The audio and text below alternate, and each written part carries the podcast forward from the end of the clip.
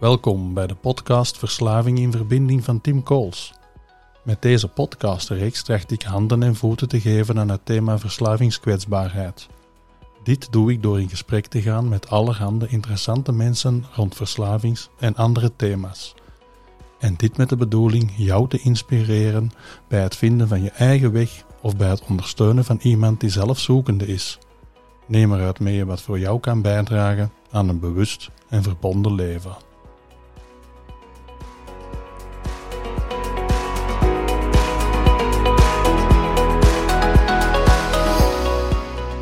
Goedemorgen, Eli.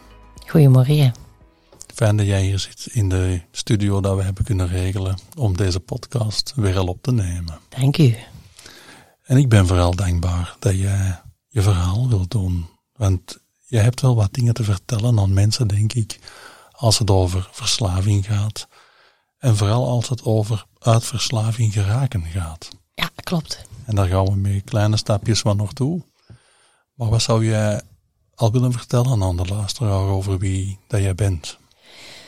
Wel, ik ben um, Eli, ik ben 35 en ik heb um, toch wel een grote achtergrond als het om drugs gaat. Um, en eigenlijk wil ik meedoen om mensen ook te kunnen inspireren die daar nog in het traject zitten, die dat nog zelf gebruiken. Zelfs mensen die niet gebruiken, dat het wel mogelijk is om uit een milieu te stappen en uw leven helemaal anders ja, op te gaan bouwen.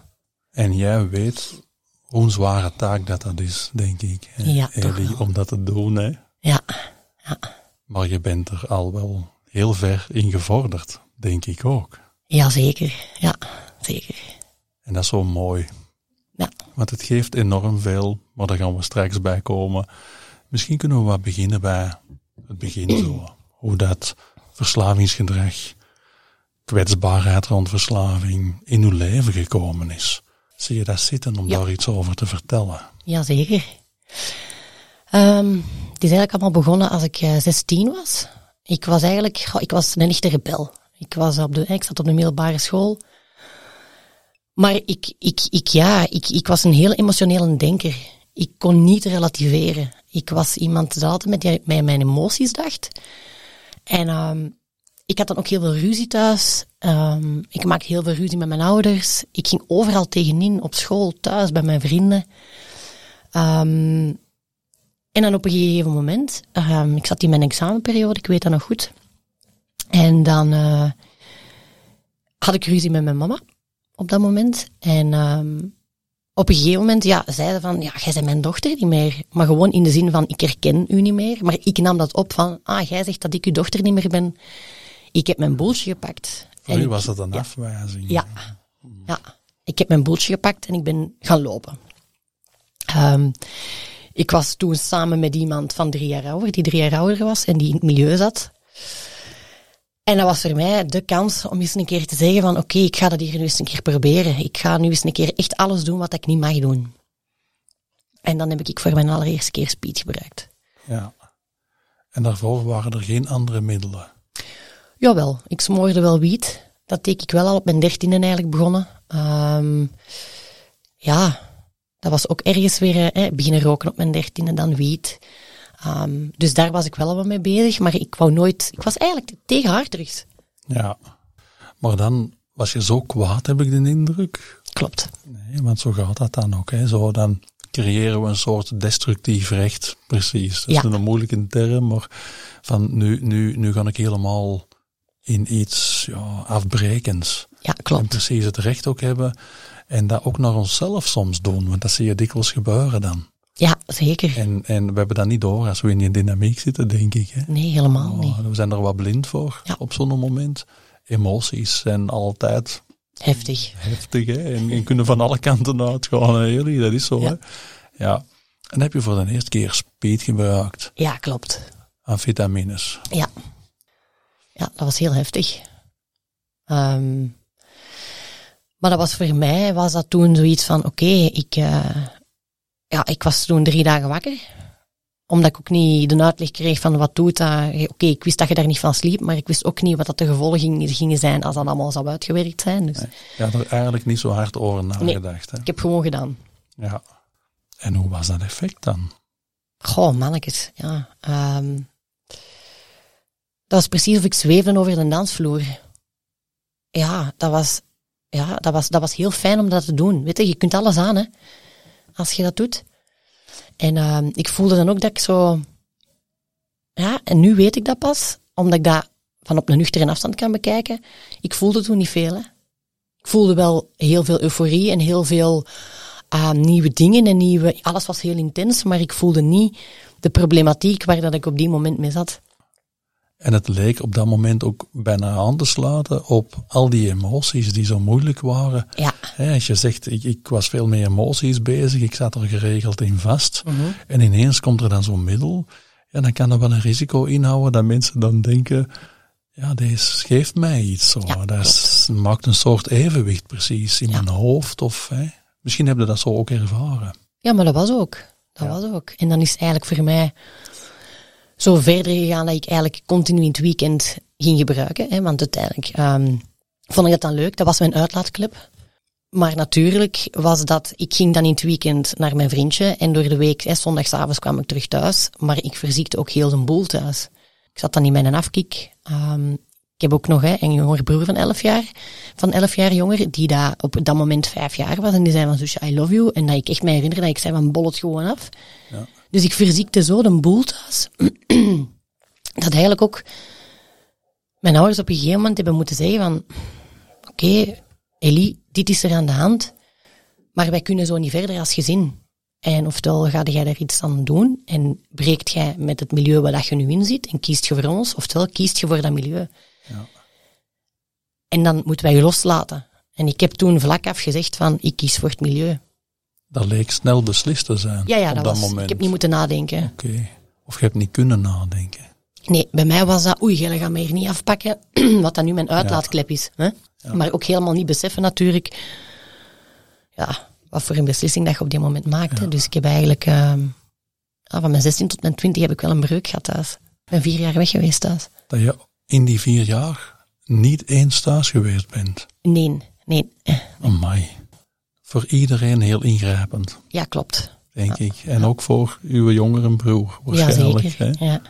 want speed maakt ook zo ruw. Hè? Dat vlakt zo af. Helemaal. We, we, we, we, kunnen nog maar moeilijke emoties voelen. We worden harder, we worden kouder. Ja, klopt. En dan ga je van die dingen doen waar je achteraf misschien van denkt, allee, wat voor een gedrag was dit nu? Ja, dat klopt. Maar het is ook in die vier jaar, Tim, dan ben ik echt beginnen experimenteren met nog van alles en nog wat van drugs. Ik heb toen ook mijn eerste kookverslaving en heroïneverslaving gekend. Dat was ook heel heftig. Um, nu, uh, ik denk, ik was 19, dat ik dan echt heroïneverslaafd was. En dan op een gegeven moment heb gezegd van, ik ga nu naar de sleutel. Want ik voelde, als ik ging werken, dat ik na vier uur koorts begon te krijgen, ziek werd. Ik had precies zo'n gripperig gevoel. Dus, en ja, en als ik dan gebruikte, was dat weg. Dus ik wist van, oké, ik moet nu naar de sleutel gaan en hier actie voor ondernemen, want ik ben afhankelijk. De drugs gaat bepalen wanneer dat ik het neem. En de sleutel is een behandelingscentrum. Ja, klopt. Ja. En uiteindelijk is dat dan ook wel gelukt om um, zelfstandig af te kicken met medicatie. En dat is mij dan ook wel gelukt. En dan hebben we het over heroïne. Over de heroïne, Want voor andere middelen is er weinig uh, ja, substitutie, noemt dat dan, hè, vervangmedicatie. Klopt. En dan, uh, maar toen zat ik echt wel heel diep ook. Uh, ik bedoel, 19, heroïneverslaafd. Uh, ik pakte alles wat ik kon pakken. En dan op een gegeven moment kwam mijn vriendje in problemen met de politie. ze zijn dan binnengevallen. Ik heb dan ook een nacht in een bak moeten zitten. Dat was allemaal heel heftig. En toen is het moment gekomen dat ik gebeld heb naar mijn moeder. En heb gezegd aan mama, kom me nu halen, want ik heb er genoeg van. En die zijn mij komen halen. Amai, na vier jaar. Na vier jaar, ja. En die hebben ook wel, wel gezegd van, oké, okay, Eli, um, we gaan afspreken, maar we willen wel eerst weten, wat is uw verslaving? Met wat zijn allemaal bezig? We moeten weten wie dat we terug in huis halen. Dus ik heb dan ook heel eerlijk geweest van, kijk, ik ben aan het afkicken en met medicatie voor heroïne. Dat, zijn mijn, dat, dat is er de voorbije vier jaar gebeurd. En die hebben mij een nieuwe kans gegeven, ja. Hoe mooi. Ja. En dat je ook de moed had op zo'n moment om dan de stap te zetten om terug contact op te nemen. Ja, klopt. Want na vier jaar niet evident. Je zal, je zal heel diep gezeten hebben. hè, Zo'n echt in de bek, 19 jaar. Een dagje van heroïne, nog andere spullen erbij. Ja, dit moet heftig geweest zijn. Ja, dat was heftig. Ja. Ja. En hoe mooi dat, u, dat uw mama dan ja, zorgend wilt zijn, maar ook begrenzend. Ja, zeker. Het kan niet zomaar. Hè. Ja. Er, er, er zijn een aantal dingen die voor ons ook belangrijk zijn. En van in het begin spreekt ze dat uit. Ja, maar dat hebben ze ook altijd gedaan. En dat is ook hun kracht geweest. En dat is ook goed geweest voor mij. Ehm, ah ja, omdat uiteindelijk, als je dat niet doet, ja, dan waar eindigt dat, hè? Oké. En je was dan terug welkom thuis? Ja, dat Oh, klopt. Ik was zeer welkom thuis. Ehm, dan ben ik eigenlijk, wou ik, ja, ik, had mijn school, ik heb mijn school niet afgemaakt. Hè. Ik was 18, ik zat in het vijfde jaar eh, in middelbaar en ik had zoiets van, fuck it all, ik stop hiermee. Ja, ik pakte drugs en ik wou gaan werken. Ehm, ja, dan ben ik uiteindelijk naar Leuven verhuisd. Om daar dan eigenlijk op kot te gaan zitten te werken en dan toch nog mijn, proberen te studeren. In avondschool, om mijn diploma toch te kunnen halen. Ehm, en dan is eigenlijk tijdens de examenperiode kreeg ik het nieuws dat mijn oudste broer ehm, zelfmoord gepleegd heeft. Dus wij waren met drie. En in 2009, ik was dan een jaar, eh, ja, een jaar clean van heroïne, heeft mijn broer zelfmoord gepleegd door een overdosis te nemen. Amai. Ja, dat was voor mij heel heftig, nog steeds. Ik vind dat heel moeilijk om het daarover te hebben. Ehm, ik ben toen heel hard terug gaan gebruiken. Hè. Ja, en ik zie de emotie, Ja, eh, Eli, en dat is ook allemaal oké. ja, Want dat is ook iets heel zwaar. Je had misschien niet veel contact met je oudere broer. heel weinig. En als ik hem zag, was het ook altijd in, ehm, in gebruik. Ja, dat was moeilijk. Hij was elf jaar ouder, dus voor mij was daar geen voorbeeld aan. Snap je wat ik wil zeggen? Ja. Er was zo geen voorbeeld dat ik kon zeggen van, wauw, dat is mijn broer. Ja. Ehm, En, en je zei net, ik ben dan terug heftig beginnen gebruiken. ja, klopt. Dus als, als je terug contact met je ouders en dan proberen wat meer gebruik te doen, denk ik, maar toch misschien een beetje aan het gebruiken en dan lijkt het dan terug eh, geëscaleerd te zijn. Jazeker. En dan kwam terug, eh, het, eh, kwam terug speed, kwam er terug bij, bij kijken. Zeker omdat ik wist, dat vlakt af. Je kunt blijven doorgaan.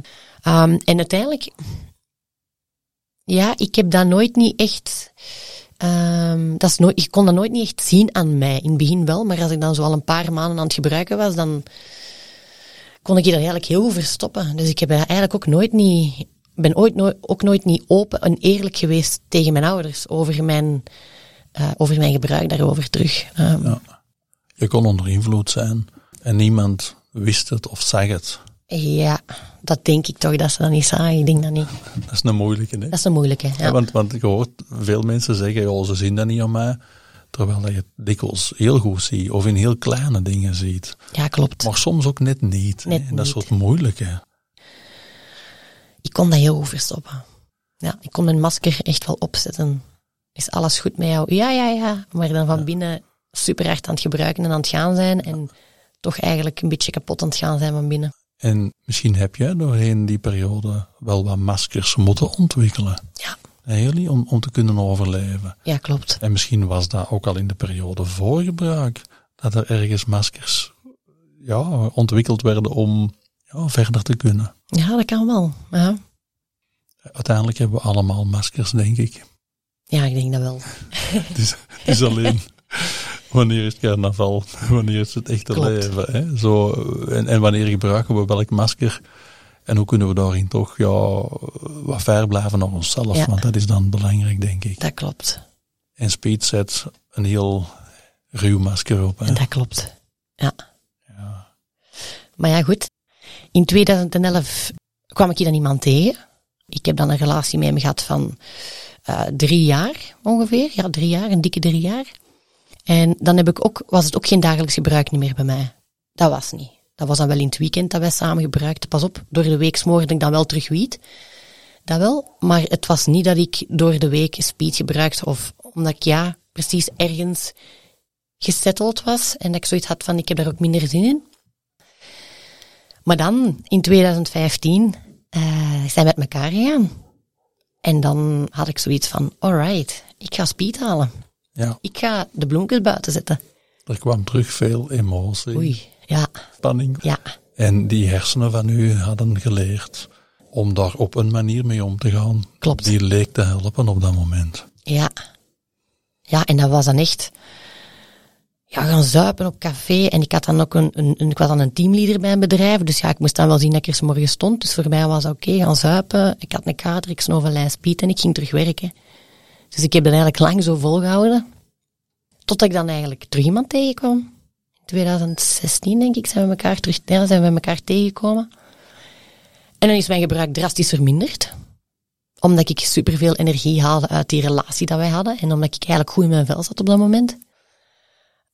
En, maar pas op, wij gebruikt wel samen ook. Hè. Dat was in het weekend, wij gingen feesten, wij, wij. En dan begon ik terug wat meer in de week te gebruiken. Eh, hij wist dat wel, hij was daar wel van op de hoogte. Ik heb hem dat ook eerlijk gezegd van. Maar op dat moment vond ik dat leuk ook om te doen, Tim. Het is niet dat ik dat op dat moment nodig had, want ik kon gerust door de week niks gebruiken. Maar ik vond dat leuk. Ja, ik vond het altijd leuk om te gebruiken. Ik heb heel lang in een periode gezeten dat ik het ook gewoon kei leuk vond. En dat je nog kon kiezen. Ja, ik kon nog kiezen. Want, want dat zeg je er nu, hè? zo Ja. in het weekend, die kon dat afbakenen. Ja. Maar daarnet zei je ook iets van, dat begon toch stilaan ook meer door de week te Ja. komen. Klopt. Ja, omdat ik het leuk vond, hè. Ik had dan een job waar ik redelijk wat verantwoordelijkheid had. En ik werd zo creatief in het maken van bestanden en dingen. En dat ik daar, dat ik dan gebruikte en dat ik echt dingen kon neerpennen of maken, documenten kon maken. Dat ik zoiets had van, wauw, oké. En dat is het vreemde, hè? dan begin je ineens voordelen te voelen. Die Ja, op klopt. korte termijn heel ja, goed lijken te werken. Hè? Dat zie je met veel vormen van gebruik. En dat is ook iets om goed over na te denken. En Ja. ook naar, naar jonge mensen dat te leggen van ja, gebruik heeft in het begin best wel wat fijne effecten. Jazeker. Hè, waar dat we wat evenwicht in ons hoofd kunnen bijvoelen, of creatiever worden, of, Ja. of met emoties kunnen omgaan. Daarom dat ik het ook zo lang gedaan heb, denk ik. Ja. Om dan aan een tijd iets anders tegen te komen, hè, Ja, Eli? dat Daar gaan we het aan zijn Ja, over klopt. hebben. Hè? Ja, ja. Dus voilà, en dan? Hè, want dan uiteindelijk, ik had dan een goede job, ik had een toffe vriend. Maar dan zijn we uiteindelijk in 2017 zijn wij ook uit elkaar gegaan, want onze relatie, ja, veel gebruik. Ik moet daar geen tekeningsje bij maken. Eh, dat is gewoon stuk gelopen. De job waar ik was, dat is uiteindelijk ook gestopt. Jammer, nog altijd vind ik dat wel. Want, eh, maar dat is door omstandigheden dat dat ook gewoon gestopt is. Maar dan is het hek van de dam gegaan. Dan is het met mij echt volledig, volledig fout gelopen. Ja. Dan ben ik pas echt zwaar beginnen gebruiken. Ja, heftig. Je zegt volledig in een mate dat daarvoor nog niet geweest was. Nee, nee, nee, nee, nee. nee. Het klinkt als dagelijks, Ja, ja, ja, ja, heel hevig. heel hevig. Heel veel. Middelen door elkaar, of Ja. vooral speed. Middelen door elkaar, ehm, gaan feesten, niet gaan slapen, soms vier, vijf dagen wakker zijn. Gewoon ook, ja, ik was de liefde van mijn leven op dat moment kwijt. Ik was een keitoffe job kwijt. En ik had zoiets van, hoe minder dat ik voel, hoe beter. En dan ben ik pas beginnen beseffen dat ik toch ergens wel met een problematiek zat. Omdat Ja. ik toch niet meer zonder kon op een gegeven moment. En onderliggend nog dat voelen zoiets moeilijk is. Want dat is zo bijna een rode draad, hè, Eli, dat we hier aan het voelen Ja, zijn. Hè, dat voelen zo, zo moeilijk was. ja, ja, ja. En dat dat strategieën waren om dit niet te doen. om dat niet te moeten doen. En dan op een gegeven moment, het was 2019, mijn jongere broer, hè, die had al een paar keer gezegd van zus, we moeten eens een keer praten, want ja, die zag natuurlijk ook dat het met mij niet goed ging. Ik kon het ook niet meer verstoppen, dus het was echt wel te zien aan mij dat ik gebruikte, omdat het gewoon zo'n grote hoeveelheden waren dat het niet meer te verstoppen was. Maar elke keer zeg ik van, jong, snotjong, wat ga jij mij vertellen? En, en, en, en dus ook als die belde, ik legde zijn telefoon af. Ik was heel agressief. Ik was ook heel apathisch. En dan op een gegeven moment heeft hij via Messenger een negen minuten lang spraakbericht gestuurd naar mij. En dat was zo, dat is zo heftig binnengekomen. Ik heb dat beluisterd. En ik had zoiets van, wow. Ik heb mijn, mijn telefoon gepakt. Ik heb mijn broertje gebeld. En ik heb gezegd, broer, ik ga er iets aan doen. Wat ik ga doen, weet ik niet. Hoe dat ik het ga doen, weet ik niet. Maar ik ga nu naar een oplossing zoeken. Die is beginnen huilen aan de telefoon. En die heeft mij gezegd, oké, zus, ik ga alles doen om je te ondersteunen. Ik hoop echt dat het u gaat lukken. En dan ben ik, uh, ben ik binnengegaan, in, uh, een paar maanden later in uh, De Spiegel in Leuven. Ehm, dat was mijn eerste opname. En ik ben dan iemand van, oké, we moeten magneten halen. Het ontwenningsprogramma, zes tot acht weken. Ik ga dat hier goed doen. En magneten halen, kan je dat een beetje uitleggen? Ah, wel. Dus dat is eigenlijk zo, dat is in stapjes. En elke keer als jij een stap hebt afgerond, wordt er een magneet op het whiteboard gehangen. Ja. En dat is dan met iedereen van, van, het, van OP, het ontwenningsprogramma, met heel de groep. En dat wordt dan geapplaudiseerd, want jij hebt de eerste magneet gehaald. en ik denk dat je zo zes magneten moet halen of zo. Ja, en ik wou die natuurlijk allemaal heel snel halen. Snel. Wat ja. is wat je zegt, Eli? Snel. Ja. Dat is wat uw hersenen kennen. Ja, klopt. Fixen, nu, direct. Alles. Come ja. on. En ja, hetzelfde gedrag zonder gebruik, maar je blijft in dezelfde dynamiek zitten. En dat zien we dikwijls gebeuren. Ja. Mensen die, die zo nog niet helemaal de mindset hebben, ja, die komen soms op die manier dan in een programma om iets te doen mee gebruik, maar binnenin is het nog niet helemaal gekanteld. Hè? En dat gaat ook zo, hè? dat gaat in fases en dat is ook oké natuurlijk. Maar leuk om in deze podcast dat ook zo wat te kunnen kaderen. Dat, ja, dat gedragsverandering, dat dat ja, complex is en dat er zo van die processen niet meespelen. Hè? Ja, klopt. Mag ik nog eens heel even, want ik kan u direct terug de draad laten oppakken, hè, jullie. Terug naar uw broer. Heb je hem al eens bloemen gegeven? nee, dat heb ik nog niet gedaan, maar wel heel veel knuffels. Oké. Ja. Ja, oké. Maar ik bedoel zo van, wat hij daar gedaan heeft. Ja, ja, dat is... Is, is echt iets, hè, als, als jongere broer dan, en dan ga ik even in zijn schoenen staan als dat mag. Ja, ja, zeker. Want dat is iets dat ik dan wel eens graag doe. Hij zal ook de pijn van zijn broer, die overleden was, gevoeld hebben. En hij zal ook gezien hebben wat er met zijn zus bezig is. Ja, klopt. Hij zag dat. En dus hij zal vanuit zijn mogelijkheden ook gedacht hebben, hoe kan ik een nieuwe pijn in de familie vermijden? Ja, ja, zeker. Dat is wat kinderen dan doen, hè. En dat is zo mooi. Ik hoop dat hem deze hoort. Ja, ik ook. En deze helemaal kan binnenpakken als credits die hij daarin ook verworven heeft. Ik ben hem daar wel heel dankbaar voor. Ja, ja. want het is heel moedig, hè. Ik bedoel, um, hij heeft mij echt op, op voor een ultimatum gesteld, hè. Ja. Zusje, alsjeblieft, laat iets doen, want ik ga u moeten loslaten. Ja. En dus ook heel belangrijk voor de luisteraars, dat er toch wel manieren misschien kunnen zijn op sommige momenten om toch iets proberen te doen van invloed op iemand die in een verslavingspatroon zit. Want Zeker. Dat is zo belangrijk dat we dat benoemen. Ja. En dat, ja, soms lijkt het te laat en gaat het niet meer. Maar elke dag is een andere dag en kunnen we nadenken, oh, wat kan misschien toch invloed zijn om iemand ja, te raken is nu, ja, ja om, Jawel, om iemand door te dringen. Te beroeren, ja. zo, om, om, om toch terug een klik te kunnen maken. Want als we dat niet meer doen, ja, het verslavingsbrein zal het zelf ook niet gemakkelijk doen, hè? zo nee. die klik maken. Nee, nee, nee, nee verre van. Ik heb u te hard onderbroken. Nee, nee, dat is oké. Okay. Uh, dus ik zat dan met magneetjes, hè. Ja. Dus na zes weken had ik OP afgerond.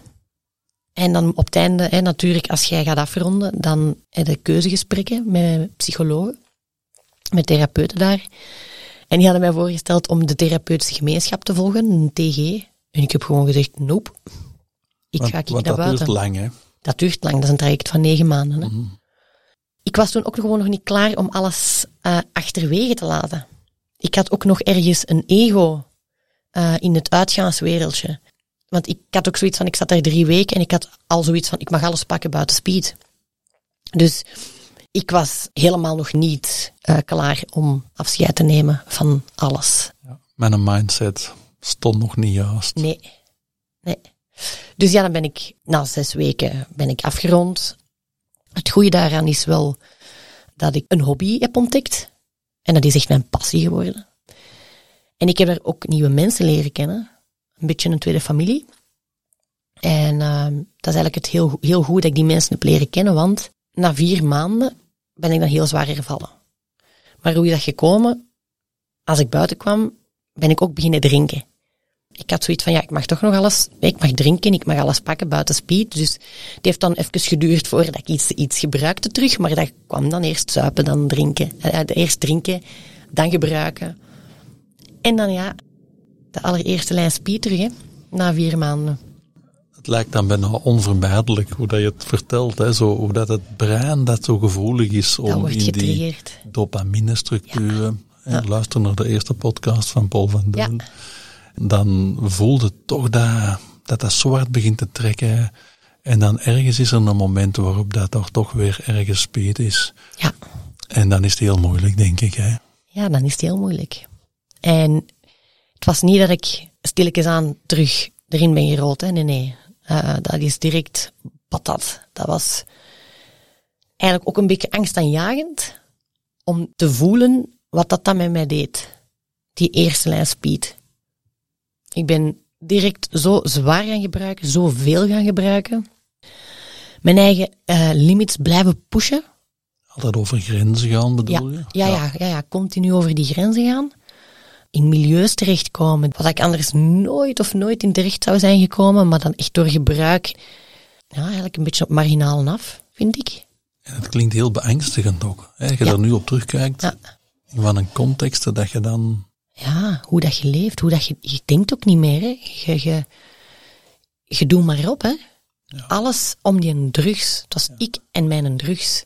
En dat wordt heel onbetrouwbaar. Ja, ja. Hè? Zowel de context, uh, het gedrag doorin, geweld, ja, denk ja, ja. ik. Hè, van die dingen die dat we liever niet hebben.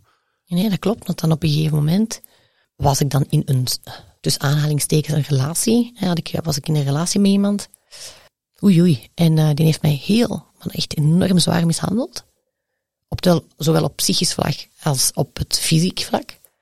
Ik ben dan moeten geopereerd worden en zo van die toestanden. Dus dat was wel heel heftig eigenlijk van geluk spreken dat ik hier nog zit. En um, dan op een gegeven moment lag ik in het ziekenhuis. Ik heb mijn ouders dan ook teruggebeld, na zoveel maanden tijd. Hè. Dus ja, ja mijn dat ouders... was weer een periode ja, van ja, geen contact. Geen contact, hè. Nee, nee. Dus ja, dan uiteindelijk... Um, mijn moeder kwam mij dan halen van in het ziekenhuis. Hè. En ik had dan... Ja, ik was dan het geopereerd. Ik was, ik was eigenlijk enorm ziek van wat er gebeurd was ik was eigenlijk echt heel, op mijn zwakst, op mijn allerzwakst. Ik was echt daar, was mijn rock bottom Tim. Um, oh, mannetjes.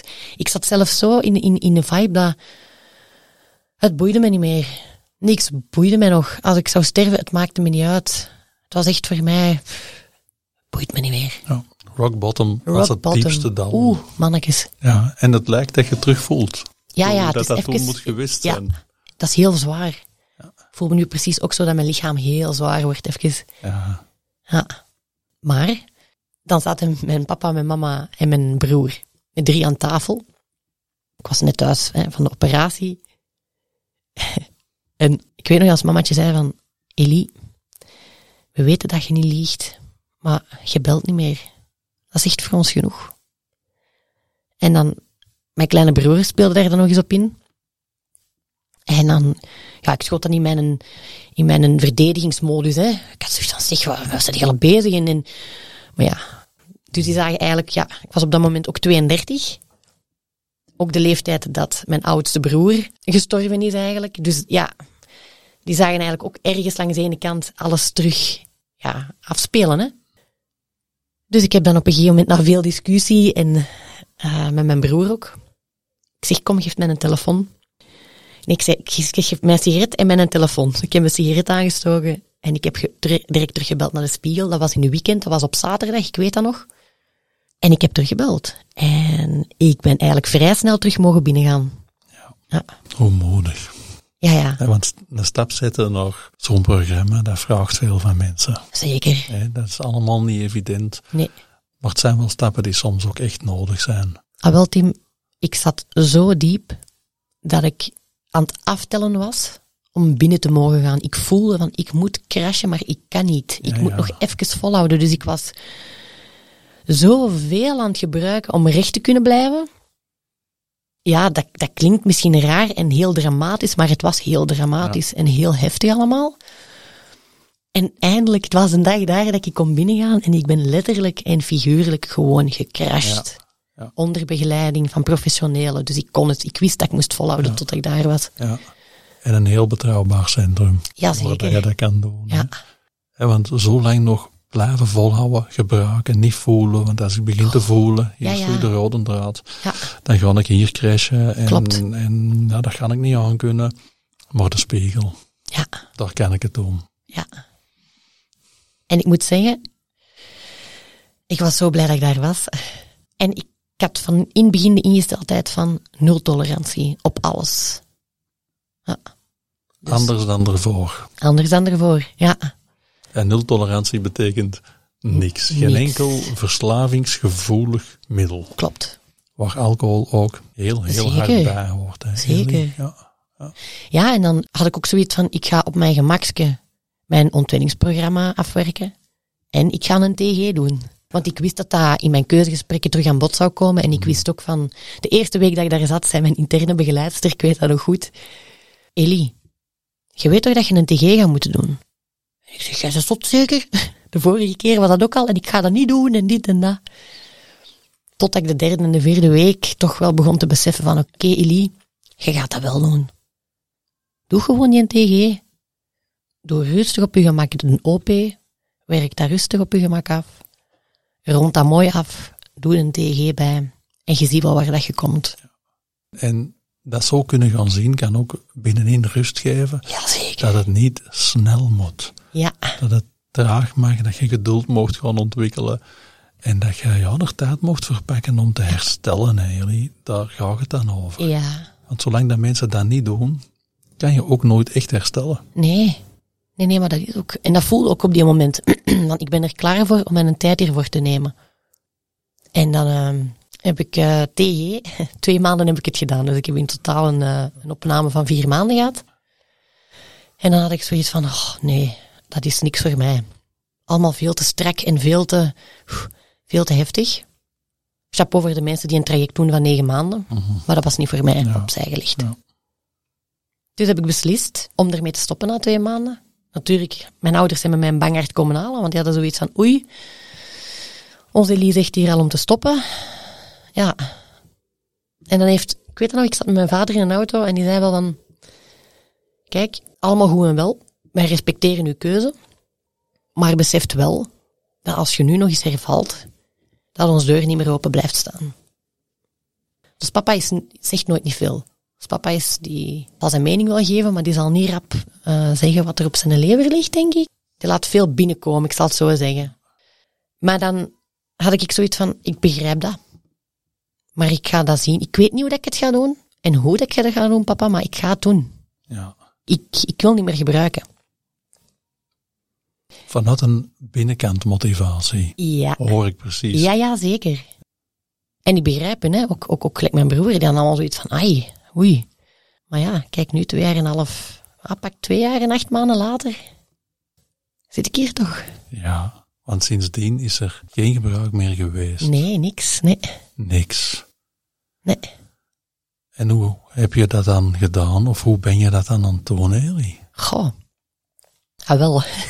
Deze geeft heel veel kracht, denk ik. Hè? Zo Ja. kunnen vertellen wat dan ingrediënten, en dat is bij iedereen anders, Ja, maar waar dat, ja, je probeert mee bezig te zijn om die moeilijke opdracht, om dat verslavingsbrein te kunnen hanteren, want dat gaat er altijd zijn.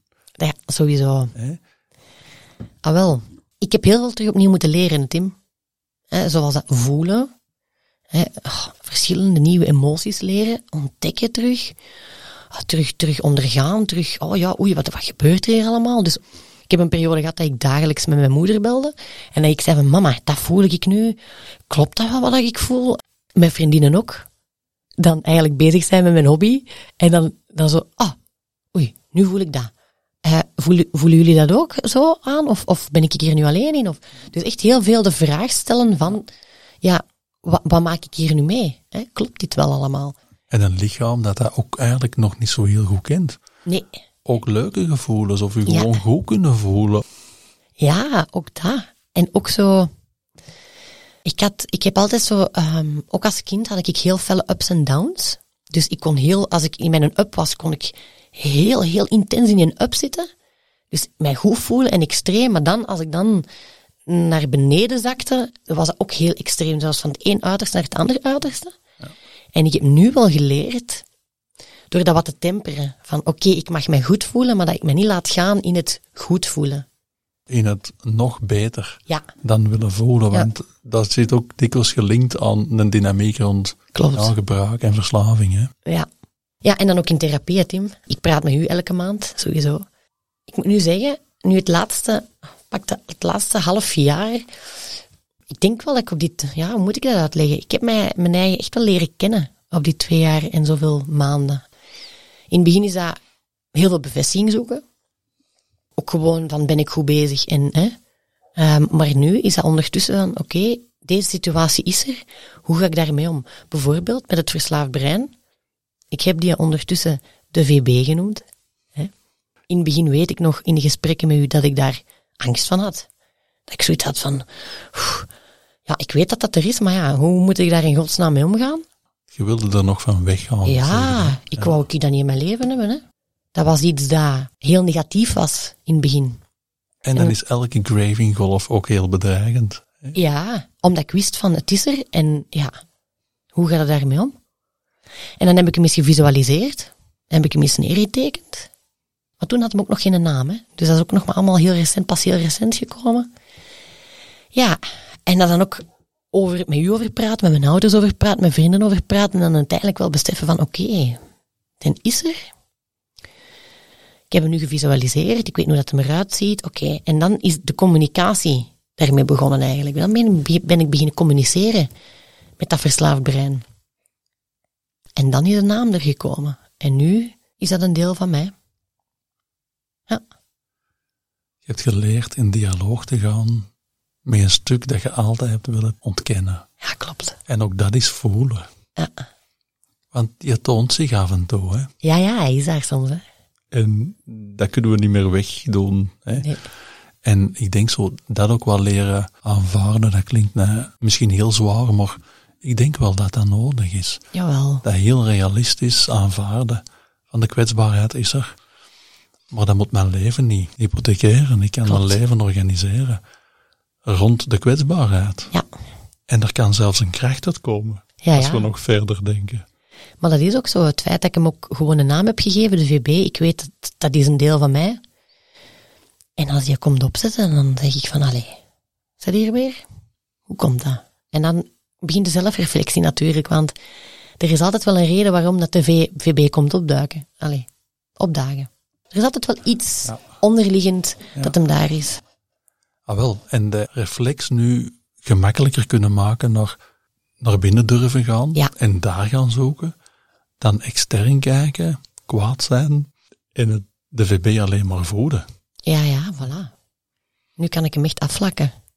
Ook, ook omdat ik gewoon dan besef van, ah ja, ik begin dan te scannen. Hè. Ik ga dan echt scannen naar gevoelens. Wat gebeurt er in mijn lichaam? Gevoelens naar eh, beelden in mijn hoofd. Dus als ik, je kunt dat vergelijken met een scanner kennen. Ja. En als dat gebeurt, dan weet ik van, oké, dat en dat is de reden. En dan heeft de VB ook geen reden niet meer om, om zijn eigen vast te klampen. Snap je wat ik wil zeggen? En dan is hij terug weg. Want ja, het is oké. Ik weet waarom dat je hier bent, VB. Het is niet meer nodig. Ja, Ja, ja, je geeft hem wat aandacht, maar je geeft hem niet zijn goesting. klopt. Hoe waardevol dat deze strategie kan zijn, denk ik, Jazeker. voor, voor mensen. Het dan gaat over beseffen dat dat daar is, daarmee durven in dialoog gaan, daar tijd voor nemen en dan een heldere, zelfzorgende beslissing daarin nemen. Jazeker. En verder. Ja, En morgen misschien opnieuw. klopt. Er is heel veel werk voor geweest. Heel veel input van mezelf om dit allemaal wel te kunnen bereiken. En ook gewoon omdat ik dat wou. En als ik besef hoeveel mooie dingen dat ik terug in de plaats krijg door een clean leven opgebouwd te hebben. Door mezelf te kunnen zijn, vrij te kunnen zijn, Tim. Vooral vrij te kunnen zijn, want ik ben echt een vrije persoon nu. Hè. Ja. En zie eens hoe dat een verslaving soms, zeker in het begin, een illusie van vrijheid lijkt te geven. Ja. Zo precies ongebonden, geen, geen verantwoordelijkheden moeten nemen. En zo wordt vrijheid wel eens ingevuld door mensen. Maar jij zegt nu van mezelf echt volledig mogen kennen. Ja, In alle gevoelens die dat ik mag hebben. ja, En daarin verantwoordelijkheid nemen. ja klopt. En kunnen bijdragen. Aan mezelf. En aan anderen ook. Ja, dat is, dat is wel heel belangrijk. Omdat het echt wel mogelijk is. Ik bedoel, als je optelt, er is 17 jaar gebruik geweest in mijn leven. Heel heftig. Hè? Dat is precies gelijk in een film. Maar allee, als je nu ziet waar ik nu sta, ik heb een vaste job, ik heb vrienden, ik heb mijn hobby terug, ik heb mijn passie teruggevonden, ik heb mijn familie, mijn, mijn hond. Ik bedoel, dat is zo intens en zo leuk. Dat zou ik toch niet meer willen omruilen voor iets anders. En dat zit ingebeiteld, heb ik de indruk. Ja. hè. Heel duidelijk. En die boodschap hier in de podcast kunnen geven, is hoopgevend. Want ik hoor in uw verhaal dat, dat je heel ver weg was. Ja, klopt. Een paar keer zelfs, hè, jullie. Mhm. Maar dat je toch met hulpbronnen, professioneel, maar ook ouders, een broer, Ja, ja, misschien ja. ook een aantal vrienden, maar vooral uzelf. Ja, Als stevigste hulpbron, het geloof in jezelf. En dat je zo met kleine stappen, want dat is zo belangrijk, dat je dat hebt leren zien, klopt. dat het niet snel moest gaan, dat je deze niet opgelost krijgt, maar dat je een weg moet maken. Ja, En die zijn je aan het maken. ja, zeker. Ja, en ik ben heel benieuwd dat het er nog gaat komen in de toekomst. Er zijn nog heel, ik heb nog heel leuke vooruitzichten dit jaar. Dus, eh voilà. En ik hoop echt dat ik hier mensen mee kan inspireren. Ongetwijfeld. Eli, ik denk dat we bijna zijn. Ja. Is er zoiets waar je van zegt, dat wil ik echt nog zeggen? Ah, wel, ik zou zeggen, gewoon doen. Het is echt mogelijk. Ja. Ja. De wereld is zoveel meer dan enkel gebruik. En als ik daar nog even mag op aanvullen, Ja, gewoon doen. Want een stap zetten, dan pas kan je de volgende zetten. ja, En soms werkt het zo, van niet verder te kijken dan de volgende stap. Maar wel uw kompas kalibreren. ja, In die richting ga ik uit. En ik ga door de netels gaan, waarschijnlijk wel. Maar ik ga me laten steunen. En ik ga elke keer een stap zetten. En als ik moe ben, ga ik even zitten. Maar ik ga niet terug. nee, zo is het. Eli, ik wil u enorm hard danken voor wat jij hier verteld hebt. Dat is heel graag gedaan en bedankt dat ik mijn verhaal mocht vertellen. Alsjeblieft.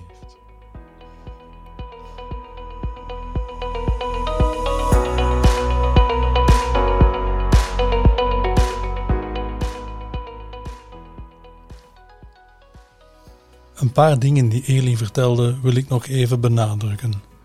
Dat hoe diep je ook zit in verslavingsgedrag, dat er altijd een weg is. Dat deze weg geen snelle fix is zoals het brein het gewoon gemaakt is, maar dat het tijd, geduld, wilskracht, mindset en hulpbronnen vraagt. Dat het verbinden is met iets dat we lang geen aandacht gegeven hebben. Ons lichaam, onze gevoelens en onze zelfwaarde.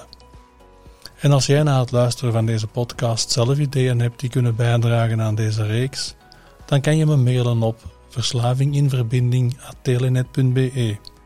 En zo gaan we samen naar betere zorg voor mensen die worstelen met deze kwetsbaarheid.